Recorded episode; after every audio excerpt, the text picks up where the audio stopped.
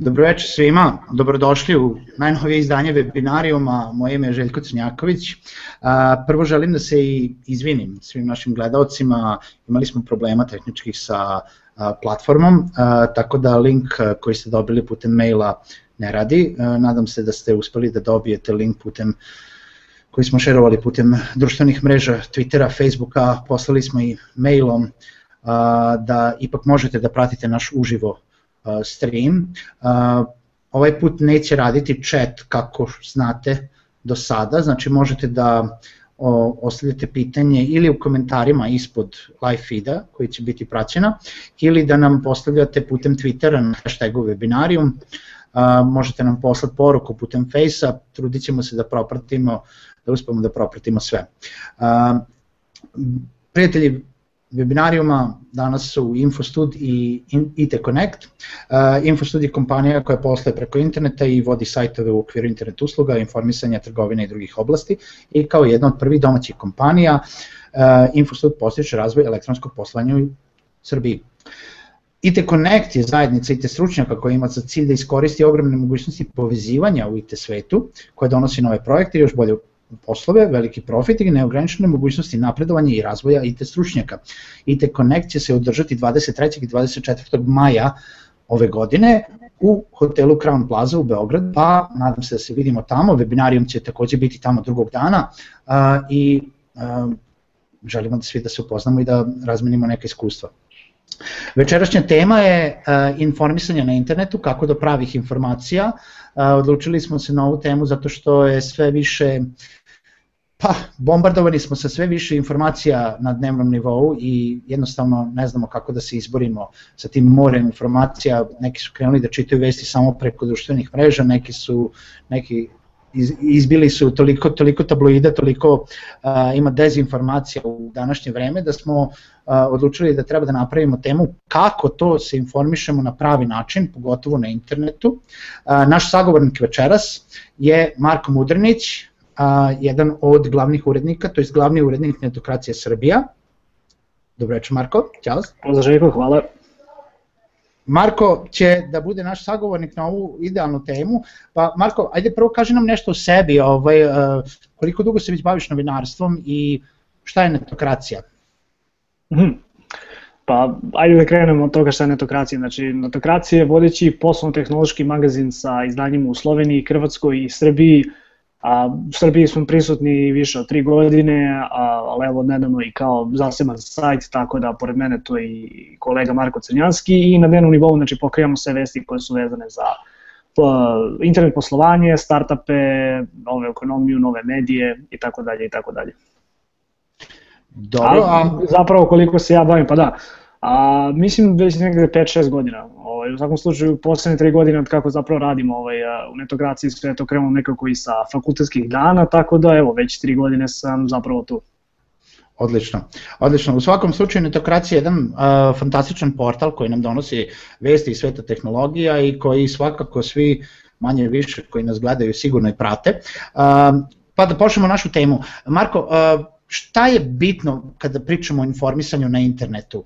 Uh, ajde, ajde ti, ti nam otvori ovaj u, u principu, da li, da li ljudi uopšte traže informacije ili da li se bukvalno uh, loguju na, na neke svoje društvene profile i, i jednostavno primaju zdravo za gotovo sve što vide ispred sebe? Da, pa hajde evo pre nego što otvorim i, i, i prezentaciju nekako odmah da, da uskočim ovaj, u, u čitavu priču. Zapravo po mom nekom mišljenju, a i zapravo prateći ovaj navike što naših čitalaca, što čitalaca nekih mnogih drugih portala, opet i, i, i zasnovano na sobstvenim iskustvima, ljudi sve manje dakle posećuju a, sajtove. Sve više sadržaja zapravo dolazi ili sa društvenih mreža ili putem mobilnih aplikacija, dakle putem nekih drugih kanala gde se taj sadržaj zapravo ovaj, a, distribuira. A, ovo je zapravo ovo je posledica jednog trenda naravno, da su poslednjih jedno 5-6 godina pojavio se veći veći broj što portala, što, što nekih drugih medija, ali ovaj, svakako ćemo da pređemo i, i, i taj deo, ali da, činjenica je da su zapravo vesti na društvenim mrežama, da je publika na društvenim mrežama, a, a urednici i direktori nekih većih ovaj, medija koje ćemo naravno i pokriti zapravo su ovaj, tu poruku jako jasno ovaj, shvatili te upravo tamo i traže publiku. Mhm. -huh. Kaži nam ovaj, kako se kako se odnose, mislim, koja je recimo pozicija portala i, i nekih većih medijskih kuća u današnjem svetu informisanja? Da li su oni, uh, jel da, da ka, koliko su bitni u odnosu na, naš trenutno, na naše trenutne životne navike? Zapravo su jako bitni. Ako pogledamo s to nekog društvenog aspekta, informisanje makar od onog inicijalno sa nekog aspekta da su ljudi zapravo ovaj, dobijali sve vezane informacije za njihovu zajednicu, na nekakvim stobovima, na rimskim trgovima i tako dalje, pa sve do opet ono, Gutenbergove prese, prvih nekih knjiga, časopisa, magazina, pa do opet danas do a, do ovaj, a, mobilnih uređaja, interneta i, i svih tih drugih lepih stvari zapravo su jako bitne. Ovaj, ukoliko pogledamo, mene možda kao neko ko živi u Beogradu, u Srbiji, i ne zanima nužno šta se dešava na drugom kraju sveta, ali uvek će me zanimati ono što se dešava u mom nekom ovaj, okruženju, u mojoj nekoj industriji koju ja pratim. Tako da s te strane zapravo mediji a nikada neće ovaj, izumrti, to je opet da kažem neko moje ovaj, iskreno verovanje, samo će da pronalaze drugu formu, samo će da pronalaze nove načine kako da dođu do publike, sve mnogo brojnije publike ako mogu da dodam, ali ovaj, njihova uloga je izuzetno bitna što u oblikovanju društvu, što opet ajde govorimo o, o, o svetskom fenomenu medija, ne toliko o domaćem, ali i ovde ima naravno pozitivnih i, i, i svetlih primjera. Dobro, ajde kaži nam onda da nabrajimo koji su sve to načini informisanja na internetu, ako ja dobro da. vidim, tako i počinje prezentacija. Da, pa evo samo da uradim screen share. Ove, a kad sam tu pripremio jednu kratku prezentaciju, nadam se da, da vidiš. A, da. Samo znači ove ime predavanje kaže kako zapravo do tih nekih korisnih informacija. Ja sam ovde podelio i morao sam da, da iskoristim ovaj poznati mim sa, sa ovom bakom koja ovako nekako čkilji u, u ekran, jer moje mišljenje je da mnogi danas zapravo tako pretražuju informacije, da nemaju tu kvalitetnu analizu kako da pristupe zapravo informacijama. Da sam ja ovo predavanje, da kažem, podelio u nekih, ovaj, a, u nekih par kratkih crta. Prvo i prvo je pretraživanje, da kažemo, da otvorimo nekako ovaj, sa tom temom. Kad pogledamo i odbih zapravo iskoristio ovaj, a, jedan jako, jako dobar citat a, profesora sa fakulteta Mirka Miletića koji kaže zapravo informacija je onaj deo vesti koji za primalca ima vrednost, a, novosti i koji mu omogućava da bolje izvrši svoje zadatke. Dakle, informacija je ta jedinica do koje mi dolazimo sad bilo putem novina, bilo putem interneta ili, ili mobilnih uređaja i to je ono što nas zapravo pokreće. Znači, ta neka želja za saznanjem, za nečim novim je ono što zapravo nas a, tera da mi i konzumiramo taj sadržaj. Da, da. Tako da, ajde kad krenemo zapravo od pretraživanja, da krenemo odmah i od Google-a. Google je po mom mišljenju jedan neverovatan alat i, i ja u svom poslu i, i moje kolege opet ga neverovatno mnogo koristim. A, mislim da u većini slučajeva zapravo i nismo svesni a, kakav je to alat i, i kolike su njegove mogućnosti, ali ukoliko uspemo da proniknemo nekako u srž zapravo njega i, i da se naučimo malo o tom nekom a, naprednijem pretraživanju, možemo da dođemo do nebrojeno mnogo velikog ovaj, broja informacija. A svako pretraživanje naravno opet kreće od ključnih reči. Kada me mnogi ljudi pitaju zapravo kako da se upoznaju sa nekom temom, a, prvo je znači kuci ključne reči i na osnovu toga ovaj, pretražuje šta je neko ko je kreirao sadržaj vrlo dobro, ovaj, ukoliko je to naravno vrlo dobro uh, odradio i, i ono što, mi u industriji kažemo SEO optimizao taj, taj tekst, onda će čitaoci naravno lako da dolaze. A, opet, ono što bih zapravo želeo da naglasim jeste i to da za nekakve lokalne upite, znači bilo da li tražite a, nešto u svom krugu ili nešto na svom jeziku, tu naravno opet i, i optimizovana pretraga, opet imamo i Google RS, Tako da, na primjer, kada pogledamo a, Uber Srbija, što sam evo ovde kao i navio, navio kao primjer, mi dobijemo znači, znatno relevantnije rezultate nego da pretražujemo na, na Google.com ili na, na Google Makedonija i to je nešto što jednostavno i Google voli, to je nešto što je sad već postao standard. A da se vratimo, naravno, opet tu i provera kod više izvora, evo, možemo na primjenu za Uber da vidimo da nekoliko većih medija je zapravo pisalo o tome, Tako da, ok, ukoliko želite nešto saznate zapravo o, o ovoj kompaniji i, i o planovima, vi ćete naravno da krenete, ukoliko koristite Google, da ukucate ključne reči, da iščitate sve to, a opet naravno dalje idu neki zaključci i sve te neke druge stvari. Da te tu prekinem, pošto ajde pričamo, pričali smo o uh, važnosti uh, recimo i velikih medijskih kuća i relevantnosti vesti koje se prenose. Ukoliko pričamo o pretrazi, u tvojem mišljenju, pošto ja ću posle da kažem moje mišljenje ovaj, vezano za to, ali ovaj, kada tražimo nešto i e, na, naletimo tako recimo baš Uber Srbije i naletimo na gomilu tih nekih um, komentara, vesti koji su da li preneli RTS, da li danas, da li Mondo, da li netokracija ili neki možda čak blogovi, pošto kada uh, pričamo o pretraživanju bilo kakve uh, jel, ključne reči, ne moramo da uvek kažemo da ćemo doći do vesti, možda ćemo doći tu do gomile drugih članaka. Kako, kako da sortiramo šta je, mislim, jel da tema ovog webinara je kako do pravih informacija. Da. Ko je tu stvari na kraju uh, pisao ili kako, da li možeš ti nekako da nam otkriješ, ima neka tajna zanata, da, da vidimo ko, ko je istražio to, a ko je prepisao to. Da. Pa tajna zanata i opet poučeno s ostalim iskustvima, a, to zapravo dolazimo do te malo šire slike, ovaj, šire medijske slike. Slična situacija opet i na zapadu, tako da možemo zapravo da povučemo a, tu neku paralelu. Ali ukoliko pogledamo, jednostavno veći portali, a, neću ih imenovati, ali mislim da svi znamo zapravo o kome se radi, danas služe kao svojevrsni agregatori vesti.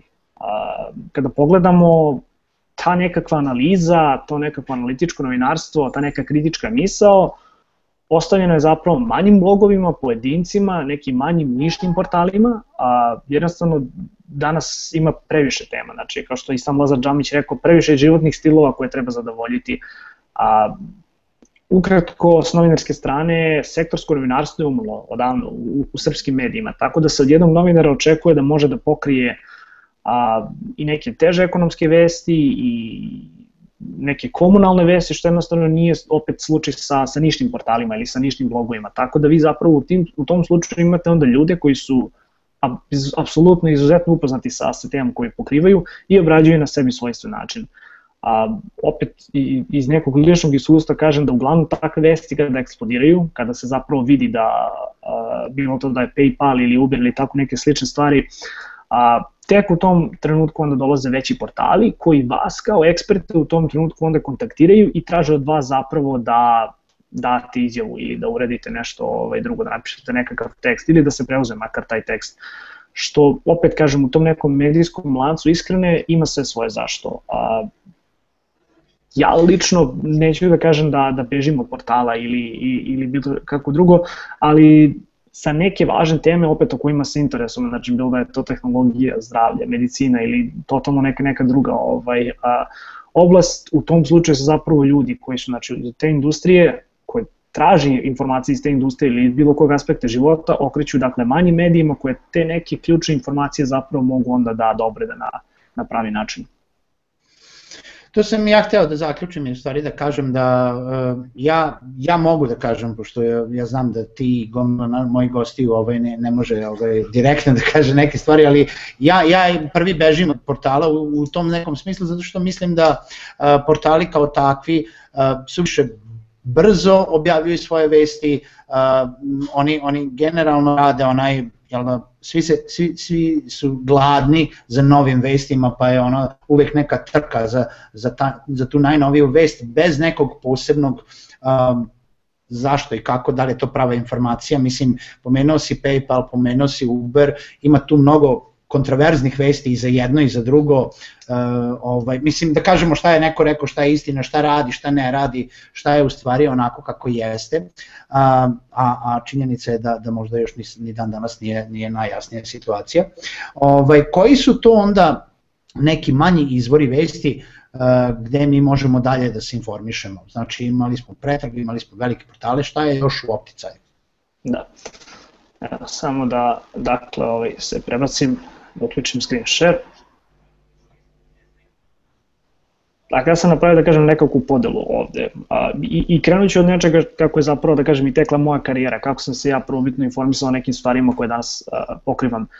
A, ok, pomenuli smo znači a, nišne portale, manje blogove, podcastove i, i YouTube. A, ajde, uzet ću konkretan primjer, mislim da je tako ovaj, zapravo najlakše ovaj, da se objasne neke stvari ću od IT-a, ali kažem opet isti zapravo a, način razmišljanja i procesiranja informacije manje više isto za bilo, bilo koju industriju.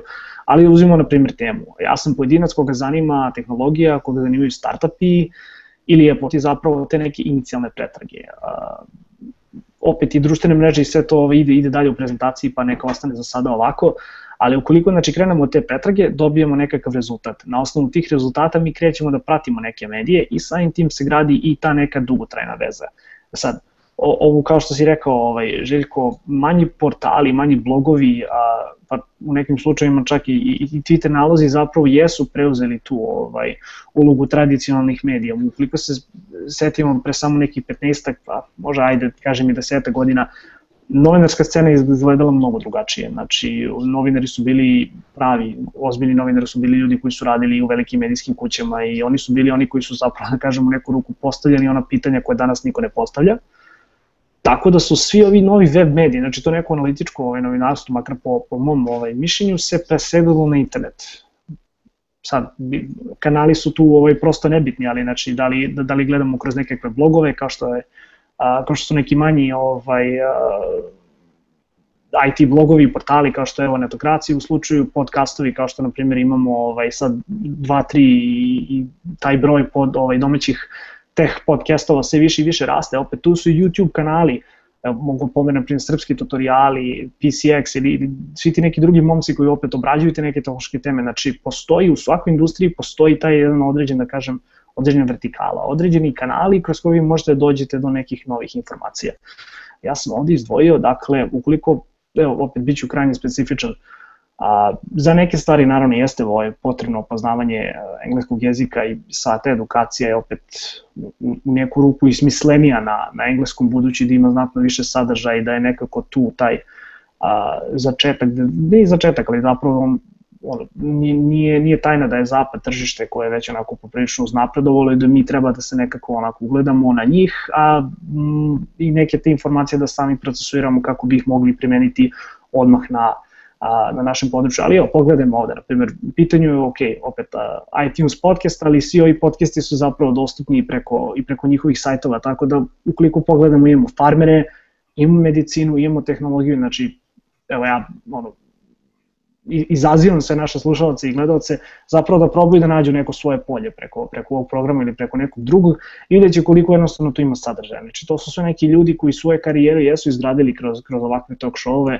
naravno opet tu je YouTube, evo navio sam dva kanala koje ja gledam, znači jedan je, ovaj, jedan je za tehnologiju, drugi opet za, za nekakvu zdravu iskreno, ali postoji jako, jako velik broj sadržaja, jako velik broj tih nekih inostranih kanala i pa opet čak i domaćih kroz koje možemo da se edukujemo oni danas nisu deo, deo velikih medijskih kuća i mi danas za njih možda ne bismo rekli ah pa oni nisu na televiziji, ja to ne priznajem, ali to su ljudi koji, i ono što je bitno da, da shvatimo, to su ljudi koji kupuju milionsku publiku.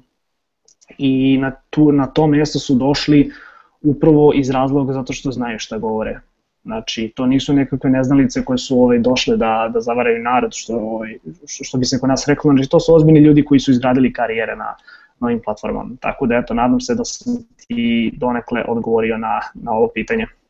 A ja se nadam da ćemo i mi kao webinarijum jednog dana postati milionski gledana YouTube, milionski gledan YouTube kanal. I istina da smo na srpskom jeziku. Ovaj, tako da ima nas dovoljno da, gleda, da nas gledaju svi. Ovaj, šta misliš kako je, kad smo već kod toga, tržište podcastova na domaćem, u stvari domaće tržište podcastova, da li misliš da ljudi kod nas slušaju podcastove, da li misliš da treba da se prave i da li ima potražnje za time? A, pa hajde da krenemo ovako. Da li ljudi slušaju podcastove? Pa a, mislim da da, ali zapravo ne u nešto većem broju. A, ja sam evo tek pre možda nekih godinu dana, iako sam pre toga slušao povremeno, a, krenuo zapravo sve više i više to da radim iz jednog prostog razloga. A, slušalice uši ujutru kad se izađe iz autobusa, tih nekih 15-20 minuta koliko mi treba da posla, je sasvim dovoljno da ja čujem nekakve korisne informacije. Da li je to neki daily digest nekih stvari, New York Times, na primjer, radi ovaj, i to je eto, u besplatnoj audio formi gde možete zapravo oko nekih 15 minuta da čujete šta se desilo tog dana u svetu. Samo jedan primjer. Ja opet, s druge strane, zbog svoje profesije pratim dosta tehnoloških nekih blogova, podcastova i tako to. Sa zapada. Ovaj, na tvoj drugi deo pitanja zapravo da li postoje domaći neki podcastovi, pa da postoje. Ovaj, zapravo mi je malo, da ne kažem sramoto što se nisam bolje pripremio za ovaj segment, ali ja mogu da nabrojim IT Srbija podcast, takođe i Aleksandar Vacić, poznati iOS developer, developer i on je nedavno pokrenuo podcast a opet kažem tu je i, i, i netokracija radio koji se eto emituje u Hrvatskoj, a, tako da postoji zapravo sve više i više. Mislim da opet mi jesmo nekih pet do 10 godina ovaj, je, kaskamo za zapadom, tako da sve te neke stvari zapravo moraju da se omasove. Na, u početku ni društvene mreže nisu imali toliko ulogu, ali opet ljudi su dolazili, ljudi su kreirali taj, taj nekakav ovaj, content, kao što, kao što mi stvari volimo da kažemo, tako da zapravo vremenom i to može da, da uznapreduje. Opet neke naše navike se zapravo malo razlikuju od, od ljudi sa zapada, banalan primer, ali podcast i, i audio knjige i zapravo to je po meni savršen medij, jer to možete da konzumirate dok ste u teretani, dok šetate psa, dok ste ujutru u prevozu, znači totalno ono, effortless, ne morate da dignete prstom ili da, da se sada smarate i da po znacima navodnika da smarate, znači ne morate ništa da čitate. Ovaj, ukoliko je blan da, da budete onaj tip u autobusu koji će da čitate knjigu, možete da je slušate. Tako da opet sve to predstavlja, znači te neke nove kanale, neki novi medijum zapravo kroz koji vi onda dolazite do nekih dodatnih informacija. I treći deo pitanja mislim da si ovaj da si postavio Pa treći deo pitanja jeste da li, da li treba da se prave takvi ovaj podcast. Da, pa evo, mislim, mislim da sam govorio, treba, naravno, ovaj, uvek. A, kažem, ima.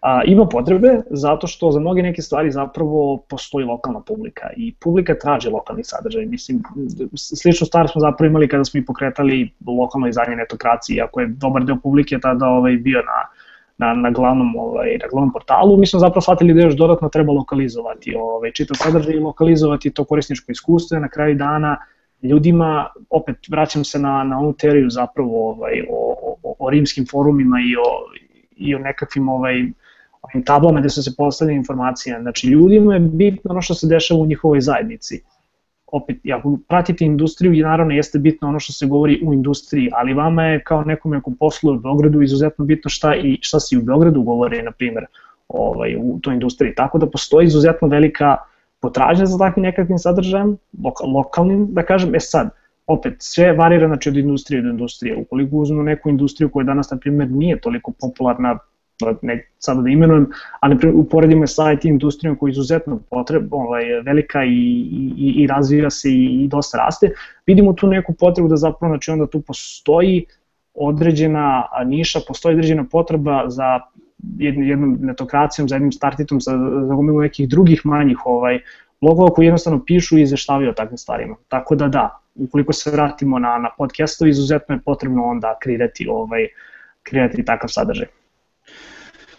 Pa dobro, znači imamo, ima, na, ima nade za sve nas koji se bave lokalnim sadržajem, tako da ovaj, uskoro još možda i e, više na, na tom polju, znači više podcastova, više YouTube kanala, e, možda se, mi, mi imamo već dovoljno blogova, e, blogovi su nam postali popularni, ali za ove multimedijalne bi trebalo još malo da potrudimo. Um, ok, ajde da pričamo malo o tome, znači pričali smo o velikim portalima, pričali smo o pretraživanju, tamo svako zna da ode, pretraživanje tražimo već kad smo čuli nešto pa, pa ovaj, smo došli od toga, pričali smo o multimedijalnim kanalima. Um, ajde da kažemo ovako, ja sam neko ko je jako puno zauzet, eh, eh, mnogo sam zauzet i nemam vremena da pretražujem, nemam vremena možda da idem na portale. Ima li neki način da vesti dođu do mene, da ja imam neki moj daily digest eh, koji, koji će me na pravi način informisati o, o, o da li lokalnim ili, ili stvarima iz neke industrije? Da, pa svakako, ovaj, ajde zapravo onda da krenemo u taj drugi deo ovaj, predavanja. A, samo da podelim ekran. Uh mhm. -huh. ovaj, pa da krenemo zapravo od onoga što je najosnovnije, a, a to su po mom mišljenju, opa, RSS feedovi. RSS feed, skraćenica je zapravo Rich Site Summary. Znači to je zapravo standard jedan koji je nastao, da kažem, kraj 90-ih i do dan danas vredi za po mom mišljenju najbolji izvor informisanja A, ono što je potrebno zapravo da biste koristili, mislim što je potrebno, ali ovakav servis koristite kada već imate neke određene portale, znači neke određene ljude, neka, ne, neke kanale, to jest neke adrese, ajde adrese, ali medije koje zapravo onda, koje znate da pratite, koje znate da želite da pratite, A, ukoliko nemate vremena da ih čitate svakog dana, vi pored pomoću RSS-a zapravo možete da, ovaj, da prikupljate njihove informacije i da se one nalaze na jednom mestu. Primer, ukoliko jedan portal koji se bavi medicinom objavi 10 naučnih ovaj, članaka dnevno, vi ne morate da idete i vi niste ovaj, bili u mogućnosti da idete nekih nedelju dana na njihov sajt, to sve može da se nađe dakle, na, na, na vašem RSS feederu, to na, na vašem čitaču, da ćete vi tih nekih 70 članaka, nazovimo ili koliko god, imati na jednom mestu i oni su zapravo onda tu došli do vas. A, u neku ruku to jeste sumiranje web stranica da na jednom mestu gde ja sada ne moram da idem na, na 10 svojih portala ili blogova koje čitam, nego mogu da upalim jednostavno aplikaciju ili, ili web aplikaciju i da ću sve te informacije zapravo da imam na jednom mestu. Ono, svakako opet od kada je Google pre par godina je ukinuo svoj Posit Reader, zamenio ga je nekako Feedly i ja verujem da veliki broj slušalaca zapravo i zna a, koji je to alat. Nešto slično jeste i Pocket, a, za koji su mnogi čuli, ali evo, podelit ću se vam zapravo jedno, jedan alat koji mi dosta koristimo u netokraciji. A, isto tako, znači, naš posao se zapravo zasniva na, na informacijama i na praćenju nekih inostranih portala, i zapravo na praćenju tog nekog live feeda, šta oni objavljuju, naravno Twitter tu jeste dobro, ali opet govorimo o onom delu zapravo sadržaju koji se objavljuje, Tako da evo, otprilike ovako u neku ruku izgleda moj a, rani dan. Znači jedna od prvih stvari što zapravo uradim jeste upalim ovaj, a, jednu malu aplikaciju koja se zove ovaj, Newsbar, tako da ko hoće može da zapiše i zapravo ona mi pomaže da tih nekih a, 200 feedova koje otprilike imam u svakom trenutku, znači ono, u real time mi zapravo izlaze sa strane i ja odatle mogu da onda konzumiram sadržaj ili da vidim šta me zanima da, da dalje pročitam Ovo je jako prost, jednostavan program, mislim da košta nekih 5 dolara, što zapravo nije mnogo. A, I optimiz, ja sam ga zapravo za svoje potrebe optimizovao do te mere tako da za neke druge, ono, za portale imam i, i boje i, i notifikacije i alert u neku ruku, jer slične stvari, na primjer, opet ukoliko se sad vratimo na ono inicijalnu ovaj, definiciju informacije, na primjer, slične stvari koriste veliki mediji,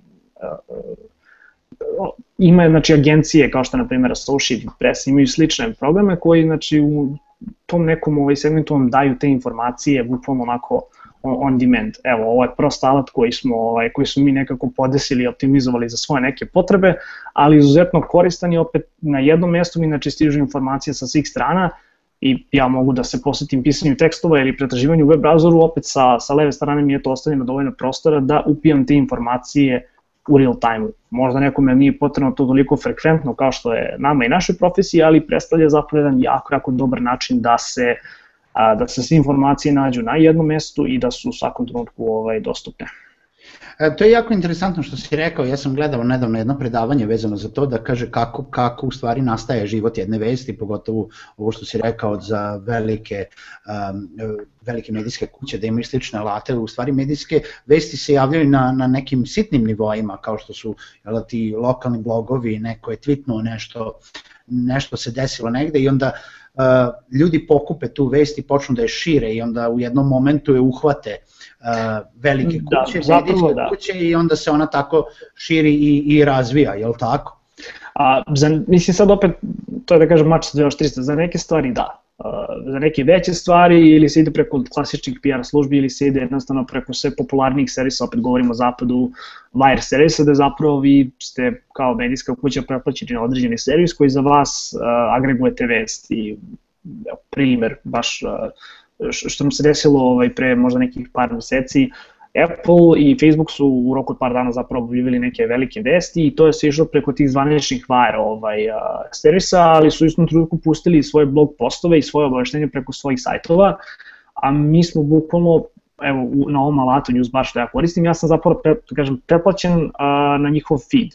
Znači, kao svaki blog i oni imaju ovaj, tu optimizaciju, podržavaju zapravo RSS i bukvalno u tom trenutku, znači kada je jedan Mashable ili kada su neki veći portali dobili od svojih a, servisa koje plaćaju jako, jako, jako mnogo, a kada su dobili informaciju, istu informaciju sam ja imao zato što je jedna ono, jedna, jedna velika tehnološka kompanija objavila to na svom blogu. Tako da hoću da kažem, sve zavisi zapravo kakve nam stvari trebaju, ali nekada su to manje neki ekskluzivi ili neki poredi informacije koje vi možete da pokupite kao portal od nekog pojedinca ili kao medijska kuća od nekog portala, a nekada su jednostavno vesti koje stižu putem određenih kanala koje onda morate da konzumirate na, na taj način. A, pomenuo si, znači pomenuli smo Feedly, pomenuli smo Newsbar, oni su klasični ti neki RSS readeri, jel da gde ćeš ti bukvalno uneti portale koje želiš da pratiš i on će ih jednostavno sortirati u jedan pitak sadržaj koji je onako e, neće biti šaren, neće biti jako, bukvalno ćete imati svoj mini magazin, e, svoje mini novine. E, pomenuo si Pocket, Pocket je odlična aplikacija, služi za ono u fazonu zove se Read it later, jel tako? Tako je. Ovaj, znači za nešto što gledate recimo na telefonu pa nemate vremena sada da pročitate pa ubacite u Pocket i onda to pročitate kasnije kao takav. E sada da bi mi na pravi način popunili Feedly ili Newsbar, treba da znamo jel da, šta hoćemo da, jel da, od koga hoćemo informacije. Imaš, imaju li te, e, te aplikacije same po sebi neki izbornik ili mi moramo da, da to ubacujemo sami? Da li, da li možeš nekako samo da obuhvatiš ili, ili bukvalno da usmeriš ljude u ne, neku, ja sam imao prvi, prvi ovaj, uh, dilemu, ono tipa imam Feedly, ok, Feedly mi je prazan, treba da ga popunim. Sa čime? Da. Mislim zapravo Feedly i, i gomila ono, RSS čitača bukvalno ide na tu varijantu da či, vi kao čitalac, kao konzument zapravo sami ubacujete ovaj, uh, adrese, sami ovaj, zapravo nalažete tom servisu šta, ćete, šta je to što će, što će on da prati za vas. Za Pocket nisam siguran, ovaj, onako, jedna konfesija koju moram da, da ovde kažem, koristim Pocket, ali imam nekih 2000 članaka koji su ostali nepročitani, tako da ovaj, ono, jednostavno, nema, nema se vremena. Ali jedan dobar alat koji u neku ruku, opet, ulazimo već sada na, na, na ovaj treći deo a, prezentacije, ali to je znači ta nekakva kuracija. Jedan, a, e, to je priređivanje sadržaja. Uh, uh, imamo srpsku reč. Uh, jedna, super, jedna super aplikacija koja opet za tablet i za mobilne telefone je jako, jako bila popularna, mislim, i, i dalje jeste Flipboard. Znači to, kao što si pomenuo sada, servis koji zapravo pravite nekakve magazine, ove se onako šarenoliko i povlači informacije sa više, sa više nekih mesta, a, on omogućava i zapravo u jako jednom vizualnom ovaj, vizualno lepom a, uređenju, gde zapravo vi kao korisnik koji dođete, koji se prijavite tamo, možete da uzmete i bukvalno da selektujete kategorije. Koliko se ja sećam, znači to je bila arhitektura, dizajn, medicina, a, vežbanje, tehnologija, znači gomila tih nekih sitnih životnih, ovaj, da kažem, viša i vi odatle zapravo onda uzimate i vidite taj neki sadržaj koji su oni tu priredili za vas i onda dalje nastavljate da čitate, možete da dodajete svoje izvore ili jednostavno da se posvetite, da kažem, posvetite da, da verujete ovaj, njihovom uređivačkom timu i da onda odatle čitate te vesti. Sličnu stvar zapravo evo sada kad već pričamo o tome uradio i Facebook, oni su pre nekih godinu dana, mislim, izbacili jednu onako korisnu aplikaciju koja ne mogu da kažem da, da je baš uspela, ali mislim da se zvao Paper for Facebook, da, upravo to, gde je zapravo Facebook uposlio tim a, editora, znači tim ljudi čiji je jedini zadatak da priređuju sadržaj i da onako nekako krstare Facebookom i da prate sve te velike medije, kako bi ja kao korisnik bukvalno u jednom trenutku mogu da otvorim aplikaciju, nađem kategoriju koja mene zanima i onda na tom nivou zapravo imam taj neki feed tih nekih korisnih članaka, tih nekih većih medija ili manjih medija koji su drugi ljudi odabrali za mene. E, to je ono što se zove priređivanje ili ti curation, kuracija sadržaja. Da, ovaj, uh, ajde kad smo već kod, uh, kod priređivanja sadržaja, uh, tu se jako često javlja, mislim Pocket je samo jedan način i to za sebe. Jako često, ne znam, ljudi koji, se, koji su na Twitteru su često videli linkove koji počinju sa paper.ly ili, ili neke slične formate koji su bukvalno sistemi za priređivanje sadržaja. Možeš li nam reći nešto malo više o tome zašto bi se koristio tako jedan um, servis i šta recimo to znači kada mi objavljujemo onda naš, mislim, na, naše novine koje smo mi sami izabrali putem, ovaj, kako se zove, putem Twittera ili drugih društvenih mreža. Da, pa svakako sa Paperlim zapravo nisam upoznat ovaj jer, jer ga lično ne koristim, ali to preređivanje sadržaja ima, ima svoje zašto. Ovaj, opet gledano, Dragan Barajić, jako, jako to često i dobro radi, gde imate se, to je neke da, jutarnje novine ili kako god, ali znam da je pre bio jako aktivni da je koristio upravo te ovaj, servise za priređivanje. Znači mi kao neko koga evo, eto, prati na Twitteru ili, ili u zadnjici, smatramo da je relevantan, smatramo da on a, ima otprilike ovaj, znanje koje nama treba, koje mi ovaj, volimo i da čujemo a, i onda mi na osnovu znači, tog nekog njegovog linka koji on generiše ili tih nekih vesti zapravo vidimo šta je on čitao, koji su to korisni članci koje on, ona ili ko drugi, sad govorimo o ličnostima, zapravo osmislio za nas i priredio nama kao nekim čitaocima, pratimacima da, da čitamo. Mm -hmm. Ok, uh, kaži mi, pomenuli smo i društvene mreže. E, sve više ljudi, i ja mislim da mislim i ova moja ideja vezano za ovu temu, je nastala od toga da ljudi sve više čitaju i informišu se isključivo putem svog Facebook feeda ili neke društvene mreže, mislim kod, kod nas je Facebook najpopularnija društvena mreža, pa zato i kažem, ovaj, koliko je to dobro, koliko je to loše, šta ti misliš o tome? Da, pa evo, odmah na, na kratku prezentaciju. A, po mom mišljenju društvene mreže su odavno, odavno postalo onako go-to, namenske platforme za praćenje sadržaja. Jednostavno, to je mesto gde se stvari dešavaju i to je mesto gde te iste informacije dolaze u real time-u. Da li je to Facebook, Twitter ili opet neka druga društvena mreža, kasnije mobilne aplikacije, to je jednostavno znači, neizostavan deo našeg života. A mislim da jedna stvar zapravo, ajde, tehnološki opet gledano, nije promenila naš život, mogu da govorimo o Srbiji sodno, a, nije promenila naš život toliko kao društvene mreže. A, mislim, i danas zapravo imate ljude koji dolazi i kupuju računare i kažu, e, ja, radi Facebook na njemu. Bukvalno da banalizujem stvar, ali a, kreće, se, kreće se stvari u tom smeru. A, ima jedan dobar citat a, koji kaže Facebook je zapravo najveći content provider u 2015. godini, a nema ni, ni trunku kontenta. Znači, Facebookovi zaposleni ne proizvode content, content, to je sadržaj. To proizvode ljudi na njemu, znači svi mi, sa svakim statusom, sa svakim podeljenim linkom. I to je jednostavno mesto gde, znači ono, Facebook, Twitter, to su zajednice, to su kanali gde ljudi danas jesu, gde oni provode vreme. A, opet, kada pogledamo, zapravo jedan citat koji nas je ovako se nekako a, u medijima pljusnuo slobodno po faci, who needs a website when you have Facebook? Ovo izjavio John, uh, John Ahpereti, znači CEO BuzzFeeda, mediji za koji verujem da su svi čuli. Kada pogledamo, ajde tu neku statistiku opet što sam izvojio, BuzzFeed, znači buzzfeed.com sam po sebi ima na mesečnom nivou negde oko 200 miliona poseta A to je ništa ukoliko mi poredimo a, broj impresija koji se ostvare na, na društvenim mrežama. Što je 18,5 milijardi. To mhm. su neverovatne brojke. Znači, sam BuzzFeed a, je izuzetno otvoren potom, prema ovaj, ovom pitanju i kažu a, pa mi možda za 5 godina nećemo ni imati sajt. Mi ćemo se možda ukrenuti u celosti mobilnim aplikacijama i nekim drugim kanalima, jer zašto bi imali jednu stvar koja više ne postoji, gde ljudi više ne dolaze. Naravno, 200 miliona poseta, to je i, i dalje velika brojka, kada, ali kada je uporedimo sa, sa angažmanom i, i sa, sa brojem ovaj, uh, impresija na društvenim mrežama, vidimo da je to tek jedan mali deo.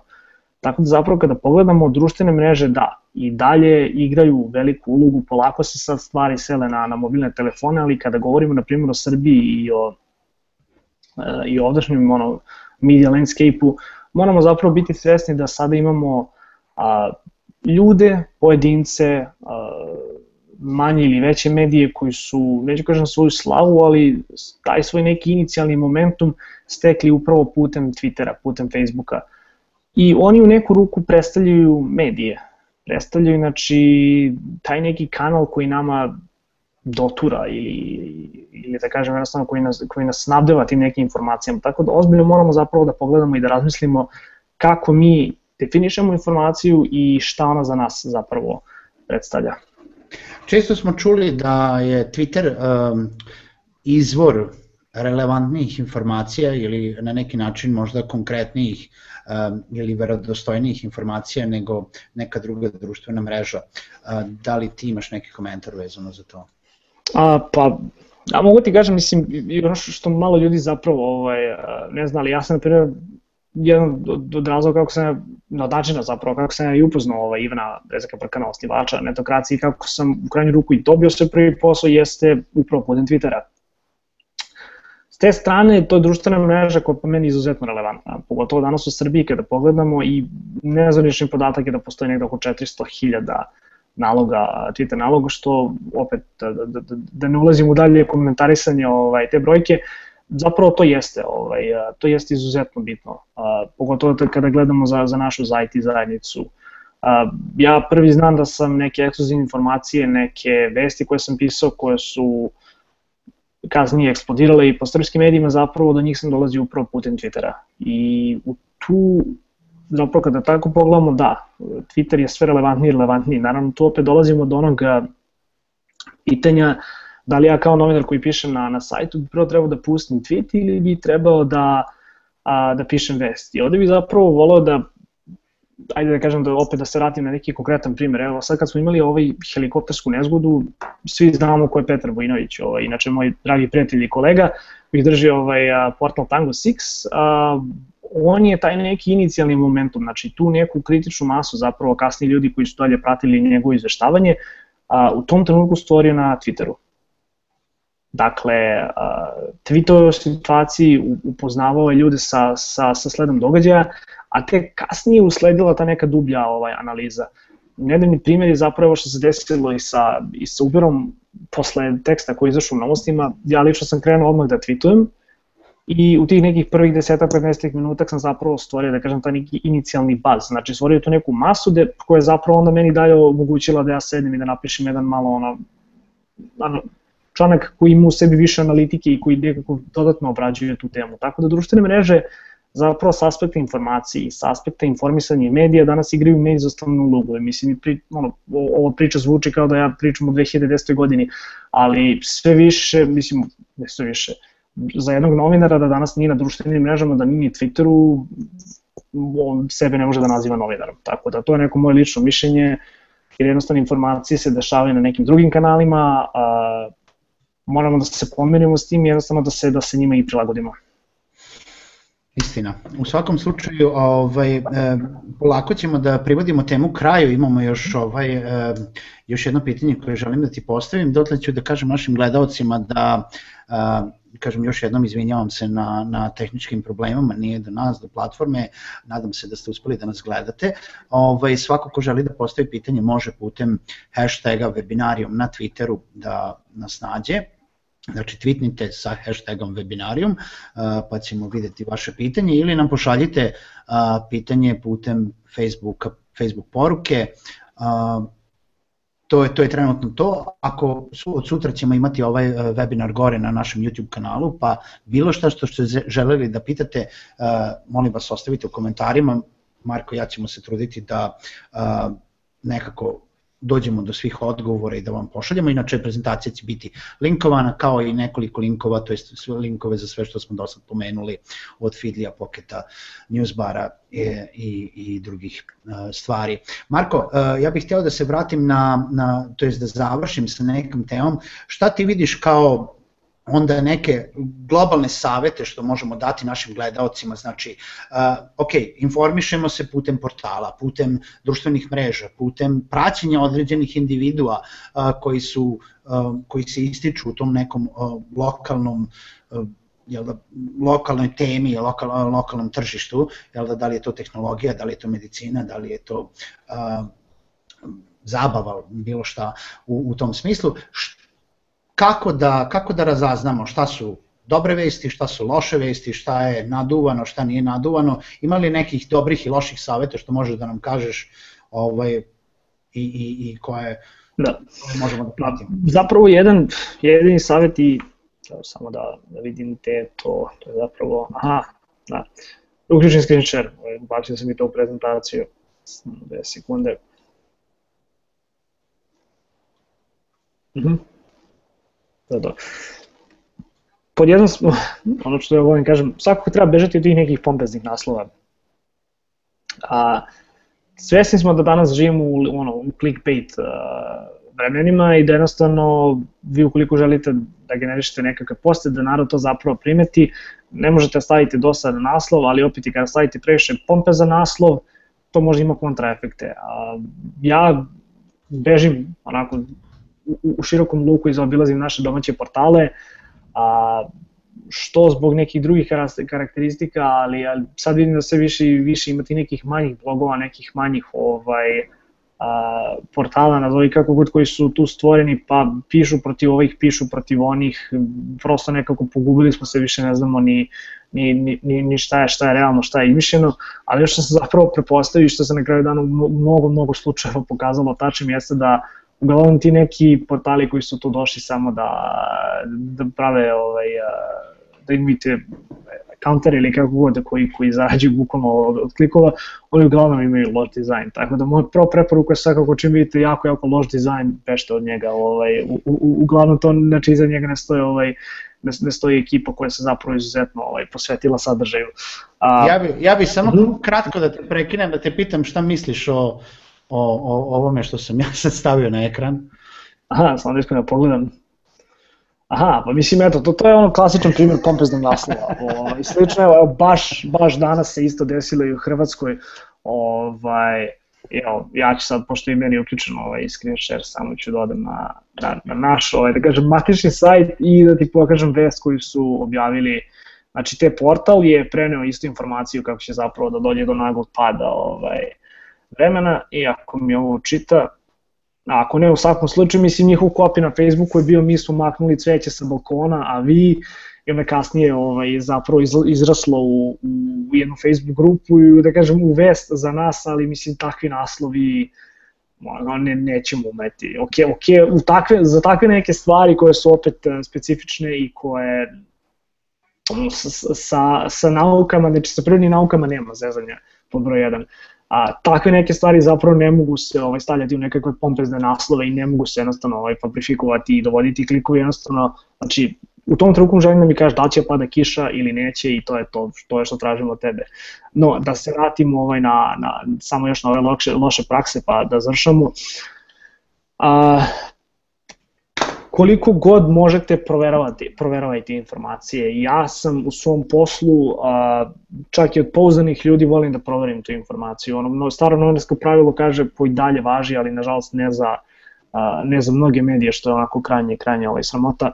A, proveri dotičnu informaciju iz nekoliko izvora, to je kod nekoliko izvora ljudi danas se zalete i to je bio jedan trend koji hvala Bogu se sad malo spustio jer više ni angažman na, na, na društvenim mrežama nije toliko velik, ali ja se sećam vremena pre par godina da su ljudi šerovali neverovatne dezinformacije, umro ovaj, ubila se čerka ovoga onoga sa Facebooka samo zato što vide pompe za naslov i odmah kliknu share. Znači to je ono što ja evo, sa crvenim, ta instant share da zapravo nisam otvorio vest, nisam pogledao, to je nešto što, što onako ubilo medijsku scenu do, do, do, do, do srži i, i portali u neku ruku koji su se bavili takim poslom jesu tada bili popularni, ali, ali ništa od toga. Mislim, ljudi su jednostavno shvatili da ono, uz, uz te dezinformacije koje mogu da se prošire, uz, uz te viralne dezinformacije, to je zapravo i najgori mogući ovaj, najgora moguća stvar koju možete da uradite.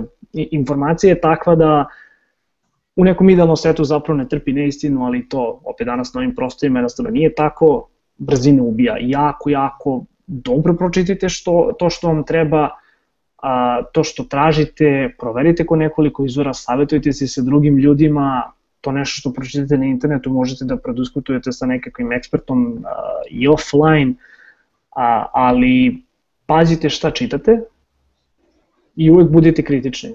Znači ja vam kažem ljudima čak i kada čitate netokraciju, čak i kada čitate znači, neke portale za koje već znate da da ono, znate prilike kako radimo i kako neki drugi rade, uvek budite kritični prema nama i ostavljajte kritike.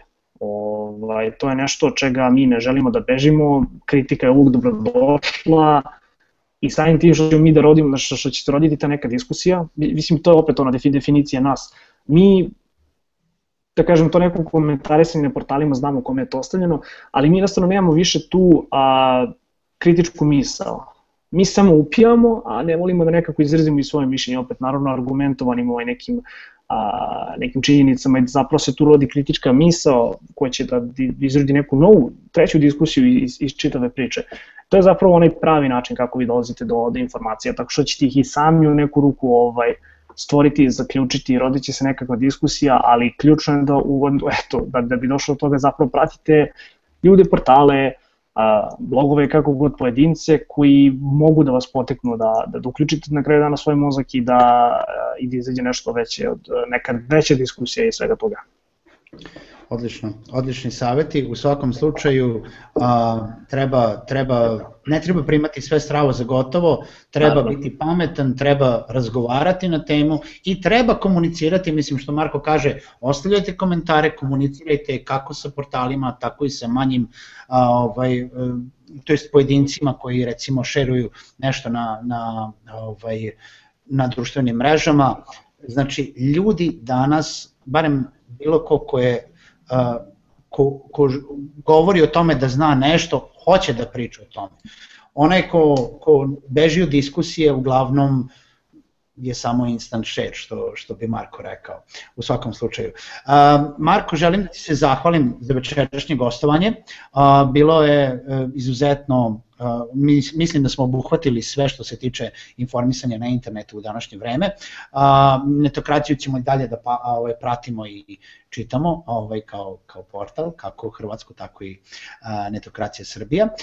Ja želim posebno još jednom da, da se zahvalim svim našim gledalcima koji su sa nama na, na uživo prenosu, ako su uspeli da dođu do nas. Imam još jednu objavu za večeras, znači E, i pored ovih tehničkih problema, a ovaj, želim da obavestim sve naše gledaoce da će od danas, to je u stvari već je aktivna, a, webinarijum počinje jednu jedinstvenu akciju e, kod nas, počinjemo crowdfunding akciju, počinjemo akciju skupljenja sredstava i pomaganja webinarijuma da se e, pokušamo dovesti na neki drugi nivo, da pokušamo, mislim mi smo sve do sada uradili da, da webinarium napreduje iz webinara u webinar, ako ste gledali neke od prvih webinara koji su bili samo u organizaciji Coworking Subotice, pa onda da postanemo brand, da lansiramo sajt, da da unapredimo taj sad da unapredimo kako, kako obaveštenje, tako i kvalitet naših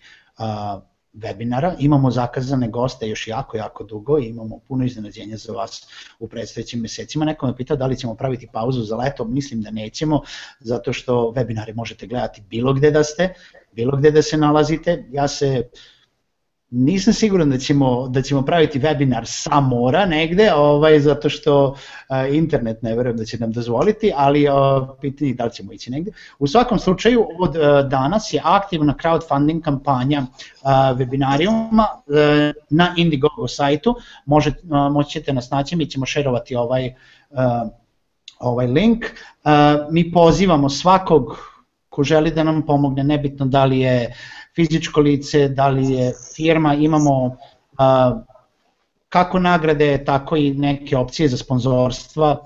A, putem ove akcije mi želimo samo da osavremenimo a, webinarijum i shvatamo da čak i iznos koji smo tražili je dovoljan samo za neko poluprofesionalno izveđenje usluga, ali ako pogledate, e, mislim, naše trenutne uslove, vidjet ćete da mi trenutno nismo ni blizu nekom e, niti studiju, niti, e, niti bilo kakvim čak ni prof, poluprofesionalnim uslovima, ali dalje se trudimo i želimo da svi ovi webinari ostanu uvek besplatni za našu širu publiku, a, tako da u svakom slučaju a, to, to će se desiti uh, bitno da li nam uspe ova akcija ili ne, na jedan ili na drugi način, radili smo ovo i, uh, i bez sredstava, kažem, želimo samo da se unapredimo uh, i da možemo da radimo dalje narednih godinu dana, ako ne i više, zavisi kako budemo rasli.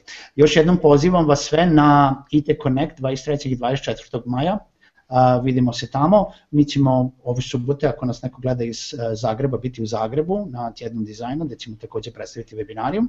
A, I to je to. A, želim još jednom svima da se zahvalim. Pratite nas na Twitteru, na Faceu, pišite nam, gledajte nam sajt, izbacili smo vesti na sajtu, a uskoro pričamo i o još webinara i u poslovnoj primjeni webinara.